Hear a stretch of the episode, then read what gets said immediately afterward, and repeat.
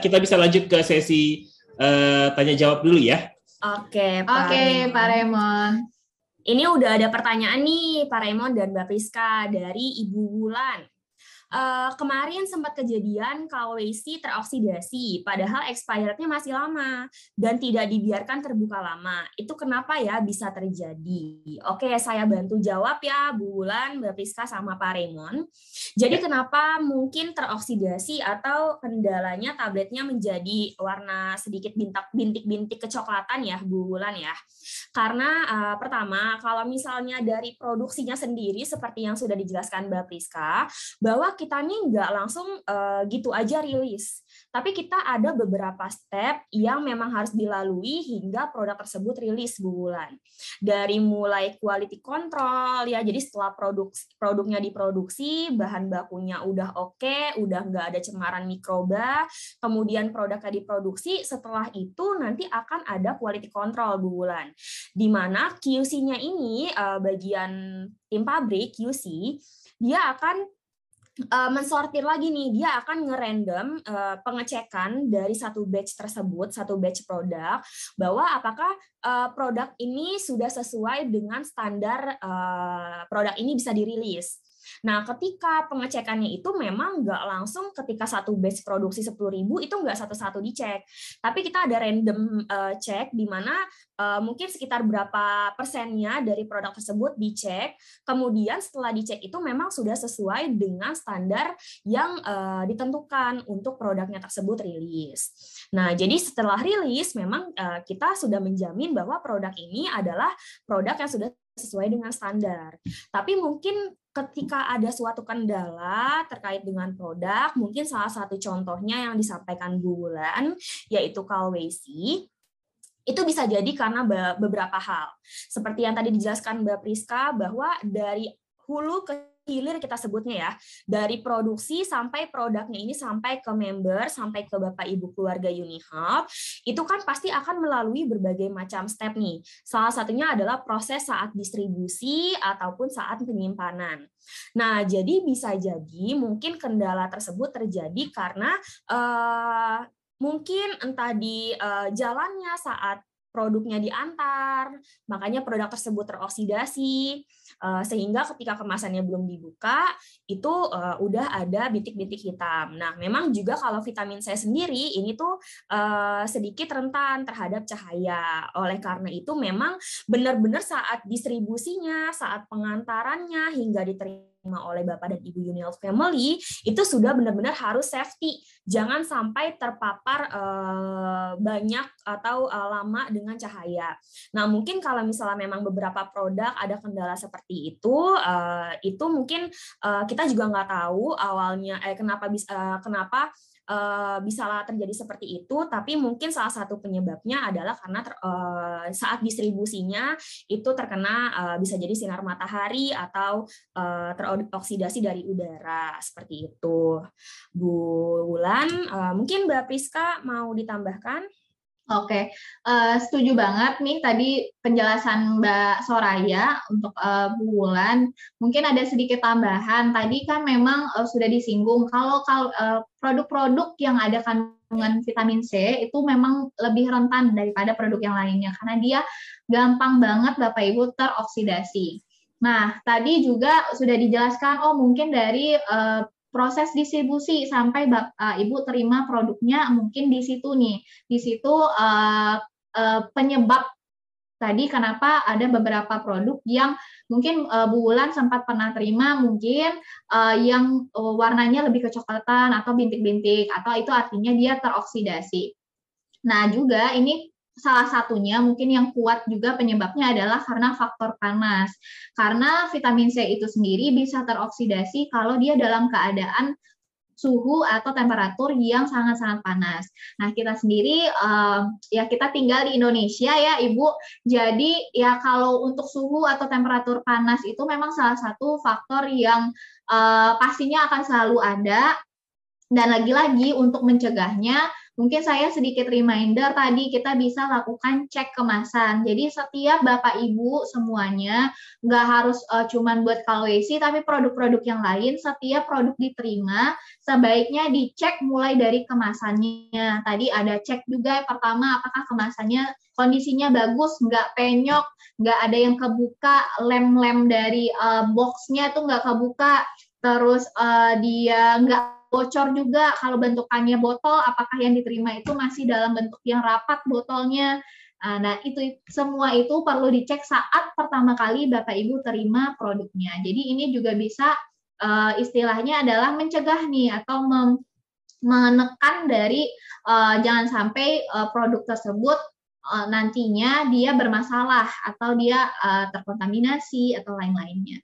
Dan juga yang kedua adalah uh, penyimpanannya. Jangan lupa untuk penyimpanannya sesuai dengan anjuran yang kita berikan.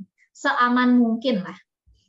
Oke, okay. terima kasih Mbak Priska. Saya dan Mbak Priska, mungkin uh, saya uh, banyak juga di di antara Unihealth Family dari 86 orang ini yang mungkin selama ini sebenarnya penyimpanannya juga salah ya Yep. Mungkin uh, ada yang ditaruh di dalam mobil terlalu lama sehingga panasnya terlalu uh, apa uh, merusak produk tersebut ya. Dan karena mungkin ini produk uh, nutrasetika, jadi sangat seperti disampaikan Mbak Soraya tadi sangat-sangat ringkih untuk uh, teroksidasi atau uh, berubah uh, bentuknya gitu ya. Nah, ada juga yang nyatakan juga uh, sebagai uh, Mbak Soraya, Mbak Priska kan juga uh, pakar banget nih dalam uh, urusan obat-obatan ya uh, ada yang bilang pernah saya saya baca juga artikel nyimpan obat itu juga atau uh, produk-produk itu uh, jangan di pintu uh, lemari es, benar nggak sih? Di, ya. Kalau misalnya disimpan di kulkas, tapi lebih ya. bagus jangan di pintunya gitu ya, benar nggak sih itu? Oke. Iya. Jadi ya. tergantung produknya ya, Mbak Piska ya. ya. Iya, betul sekali. Jadi kalau mungkin maksud dari Pak Remon buat produk-produk yang di uh, anjurkan uh, penyimpanannya di lemari pendingin atau di yes, kulkas. Nah, yes, di mananya yes. gitu kan? Di mananya kulkas kan kulkas tuh gede ya. Ada freezernya, ada pintunya, ada yang bagian raknya. Nah, memang benar uh, Pak Raymond saya juga uh, pernah baca nih juga kalau titik-titik temperatur di kulkas itu ternyata memang beda-beda. Nah, yang paling uh, sesuai dengan suhu kan setiap kulkas ada suhu temperatur uh, yang di di uh, yang ada tuh ya kita putar, kita mau dinginin atau kita mau lebih uh, panas. Nah itu yang paling sesuai dengan temperatur itu adalah di bagian raknya. Kalau di pintunya itu setiap buka pintu itu pasti dia akan terganggu lagi tuh suhunya akan naik lagi karena ada eh, pengaruh dari suhu ruangan. Jadi setiap produk-produk yang memang kita sarankan untuk simpan di lemari pendingin itu maksudnya di bagian rak kulkas atau lemari pendinginnya. Oke. Oke. Oke. Terima kasih Mbak Soraya dan Mbak Priska. Mungkin kita ya. lanjut pertanyaan selanjutnya ya. Oke, Pak Raymond. Selanjutnya masih ada nih Pak uh, Raymond dan Mbak Priska. Pertanyaan dari Bu Bulan masih sama. Uh, kalau sudah expired beberapa bulan, bahkan satu tahun, apakah masih aman diminum untuk produk-produk uh, obat ya, Bu Bulan berarti ya? Nah, sebenarnya kalau ketika produk expired ini, Bu Bulan, itu bukan berarti uh, obatnya itu uh, udah benar-benar rusak enggak. Tapi sebenarnya ketika tanggal expired itu adalah tanggal di mana produk tersebut nih kualitasnya bisa mulai menurun nih. Gitu. Jadi misalnya ketika expired Uh, boleh nggak diminum? Sebaiknya sih kita menganjurkannya tidak diminum, karena kita pasti pengen uh, ketika minum produk uh, suatu produk itu mendapatkan efek yang optimal. Nah kalau produk-produk yang sudah expired itu efektivitasnya sudah tidak optimal dan juga khawatirnya uh, dengan beberapa jenis sediaan produk yang berbeda itu stabilitasnya juga sudah mulai terganggu sehingga malah takutnya nanti berdampak yang tidak baik untuk tubuh. Jadi sebaiknya uh, tidak tidak perlu digunakan, apalagi sudah expirednya satu bulan. Nah, amannya itu mungkin uh, masih bisa digunakan tiga bulan sebelum expired pun sebenarnya masih oke okay aja sih dihabisin. Tapi sebaiknya sih uh, jangan pas uh, setelah expired. Jadi yang penting sebelum expired gitu. Tiga bulan, uh, dua bulan pun masih oke okay ya Mbak Priska ya. Ya, okay. setuju Mbak ya. Jadi kalau udah after expire atau udah lewat expire itu artinya nggak ada jaminan ya Mbak ya. Mau ya. dari efikasinya, stabilitasnya, nanti ujung-ujungnya keamanannya. Jadi itu sudah di luar jaminannya. Nah, sesuai yang kita tetapkan suatu expired date produk itu kan kita sudah lakukan eh, pengujian. pengujian. Kita sudah uji, oh ini stabilitasnya paling optimal sampai eh, eh, expirednya segini. Nah, itu artinya udah yang paling optimal yang Bapak Ibu bisa konsumsi. Oke, selanjutnya ini ada pertanyaan dari Bu Leli nih, Mbak Priska nih. Apa okay. maksudnya fortifikasi, Mbak Priska? Oh, oke. Okay. Tadi mungkin lagi bahas susu ya, Mbak Aya. Jadi kalau ya. fortifikasi tadi saya sedikit singgung. Jadi uh, untuk susu itu sendiri, Bapak Ibu semua ada tingkatannya. Yang pertama adalah susu biasa, susu yang uh, langsung dari sapi diperah oke okay, menghasilkan susu atau dijadikan bubuk. Nah, eh, kandungannya berarti kandungan-kandungan yang memang eh, dari sananya eh, dari hasil si sapinya itu. Jadi ya ala kadarnya sapi. Nah, lanjut lagi yang kedua adalah di atasnya susu fortifikasi. Jadi dari kita perah sapinya atau susu sapi itu ada beberapa kandungan tadi misalkan kita sebut proteinnya, kalsiumnya, terus kandungan uh, multivitaminnya, vitamin A, vitamin B, semua dan semua macam vitaminnya. Nah, dari setiap kandungan itu pasti ada kandungan-kandungan yang uh, sebenarnya bisa ditingkatkan untuk mencapai kadar yang paling optimal nih kebutuhan si kecil. Nah, susu fortifikasi adalah susu yang setiap kandungannya itu ditambahkan lagi, dicukupkan lagi agar ya tadi formulasinya itu bisa yang paling optimal yang dibutuhkan oleh si kecil. Jadi gitu Bu Leli. Jadi kalau susu biasa eh, misalkan eh, kadar kita taruh satu protein, misalkan kadar proteinnya dalam satu susu itu ada eh, 10 eh, 100 mg.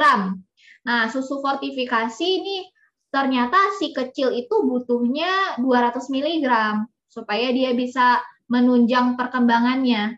Nah, susu fortifikasi artinya proteinnya dicukupkan sampai 200 mg.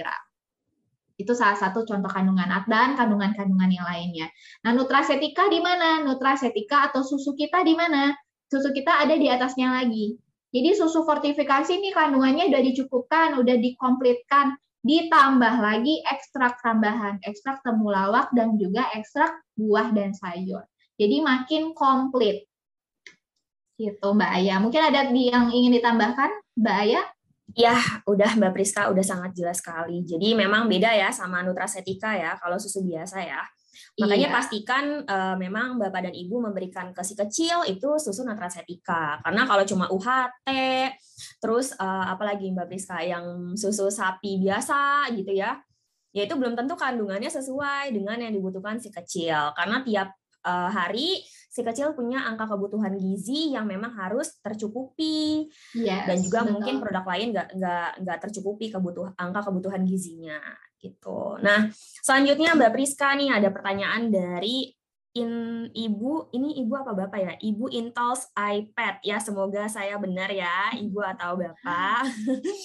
Nah boleh nggak dikonsumsi Imuno Junior saat sehat nih Mbak Priska? Nah kalau misalnya saya bantu jawab ya Bu Intel atau Bapak Intel.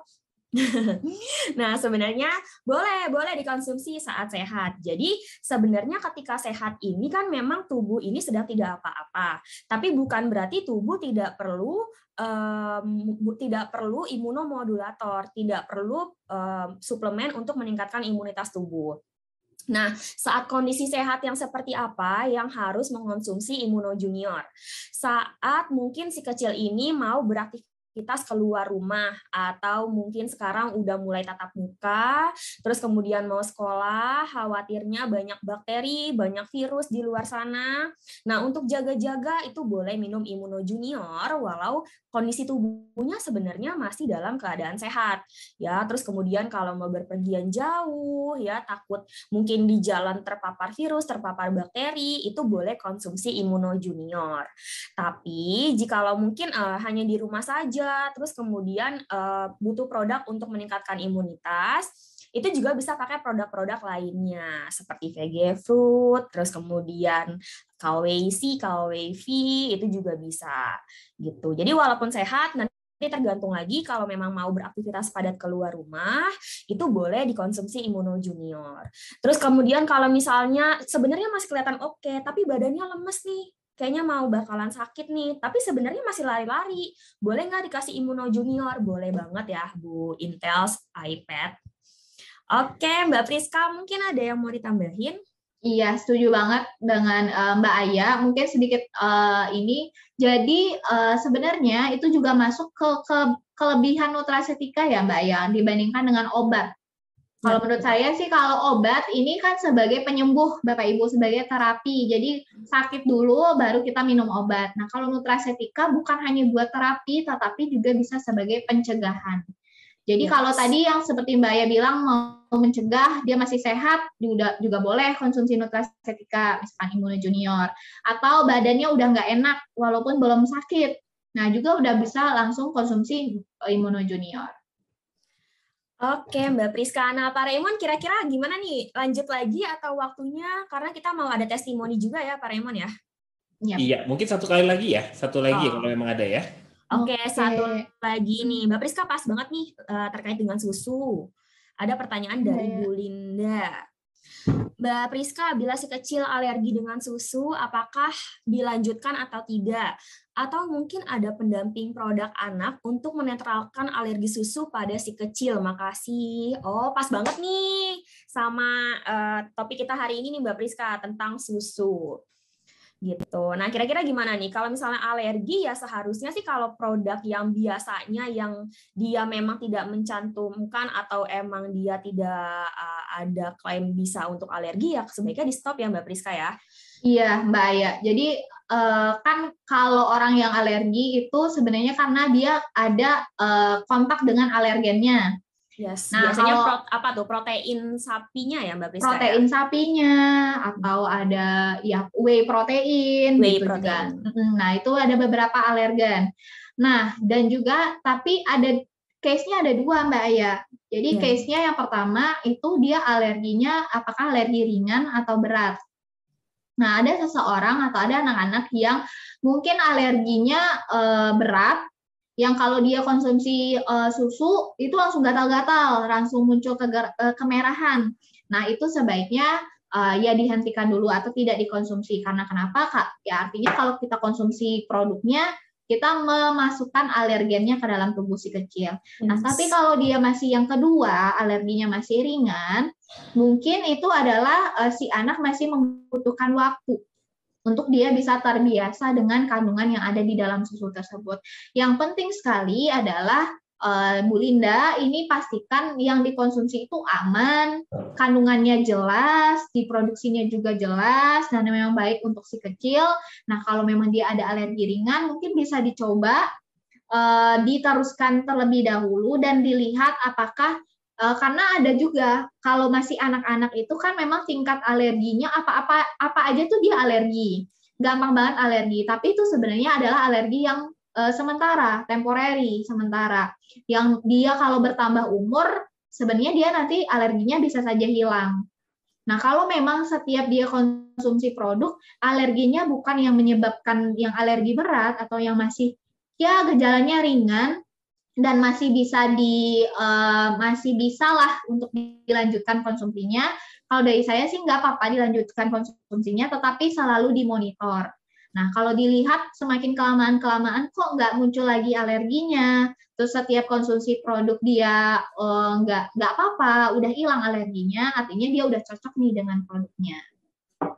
Ya, setuju banget nih Mbak Priska. Jadi uh, tadi Bu Linda, semoga terjawab ya. Karena uh, mungkin sebelumnya juga kita sering dapat ini nih Mbak Priska sharing tentang susu Star Kids kita nih Star Kids Premium, Star Kids Nutra ya dari Pak Ibu-ibu, Bapak-bapak member Uni Family. uh, banyak juga nih Mbak Priska ternyata dulu katanya anaknya sebelumnya alergi susu iya, atau nggak suka betul. susu. Ternyata pas dikasih susu Star Kids itu alhamdulillah alerginya hilang, jadi nggak alergi lagi. Karena mungkin biasanya setiap produk itu ada beberapa kandungan yang beda yang hmm. mungkin uh, si kecil ini nih sensitif terkait dengan kandungan produk lainnya, sedangkan susu yang Star Kids dia nggak sensitif, uh, yang yang nggak nyebabin alergi gitu. Jadi sejauh ini sih kalau dari Star Kids sendiri ini uh, malah uh, cukup aman ya Mbak Priska ya untuk yang alergi kalau tes Iya, betul Mbak ya.